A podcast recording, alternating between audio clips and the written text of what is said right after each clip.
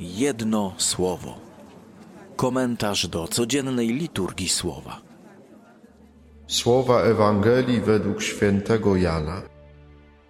Jan Chrzciciel stał wraz z dwoma swoimi uczniami gdy zobaczył przechodzącego Jezusa, rzekł: Oto baranek Boży. Dwaj uczniowie usłyszeli, jak mówił, i poszli za Jezusem. Jezus zaś, odwróciwszy się i ujrzawszy, że oni idą za nim, rzekł do nich: Czego szukacie? Oni powiedzieli do niego: Rabbi, to znaczy nauczycielu, gdzie mieszkasz? Odpowiedział im: Chodźcie, a zobaczycie. Poszli więc i zobaczyli, gdzie mieszka, i tego dnia pozostali u niego. Było to około godziny dziesiątej. Jednym z dwóch, którzy to usłyszeli od Jana i poszli za nim, był Andrzej, brat Szymona Piotra. Ten spotkał najpierw swego brata i rzekł do niego: Znaleźliśmy Mesjasza, to znaczy Chrystusa, i przyprowadził go do Jezusa. A Jezus, wejrzawszy na niego, rzekł: Szymon syn Jana, ty będziesz nazywał się Kefas, to znaczy Piotr. Jedno słowo. W wielu parafiach e, bezpośrednio po Nowym Roku albo już nawet po świętach rozpoczęły, rozpoczęły się tradycyjne odwiedziny duszpasterskie, czyli tak zwana kolenda. Zwyczaj typowo polski. Ja nie słyszałem, żeby gdzieś jeszcze na świecie taki zwyczaj funkcjonował. Rzeczywiście chyba tylko w Polsce gdzieś jest kontynuowany. W jednych parafiach kolenda trwa krócej, w innych dłużej.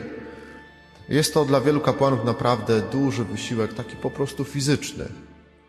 Jak w sobotę chodziłem, pomagałem w mojej rodzinnej parafii, chodziliśmy po wiosce, to zrobiłem chyba, nie wiem, z 5 kilometrów od domu do domu, bo jeszcze te poszczególne domki były ba bardzo od siebie oddalone. To jak później wróciłem do domu wieczorem, to po prostu byłem tak zmęczony, jak koń po westernie.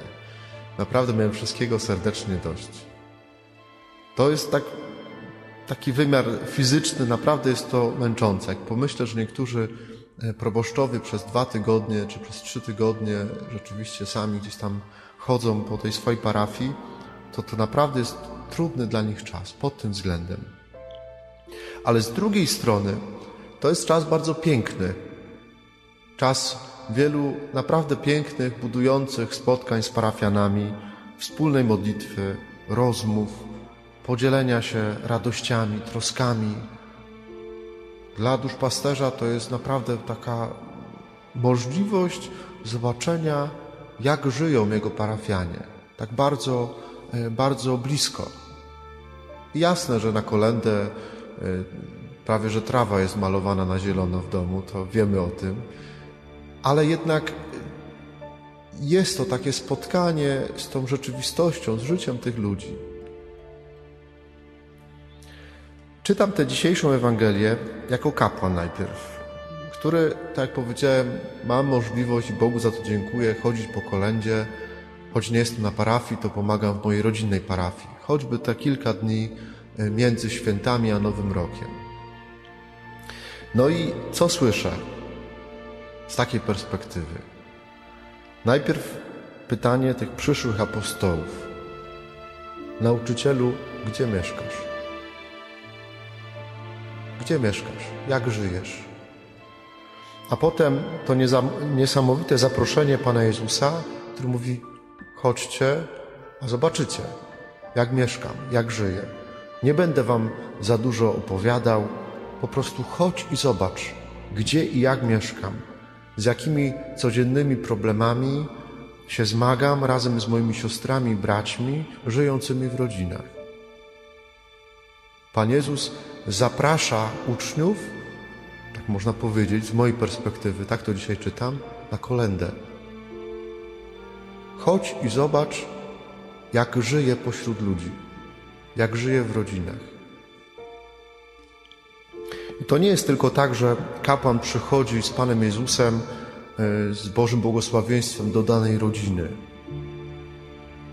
Ale myślę, że ta dzisiejsza Ewangelia chce nam pokazać, że ksiądz przychodzi do, do danej rodziny też jak uczeń, aby w rodzinie spotkać się z mieszkającym w niej Bogiem. To jest ten pierwszy Kościół. Pan Bóg się narodził w rodzinie, jako dzieciątko, wzrastał w tej rodzinie.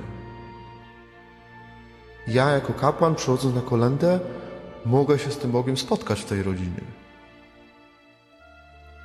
Myślę, że czasami nam wszystkim brakuje takiego myślenia o rodzinie, że to jest miejsce spotkania z Panem Bogiem.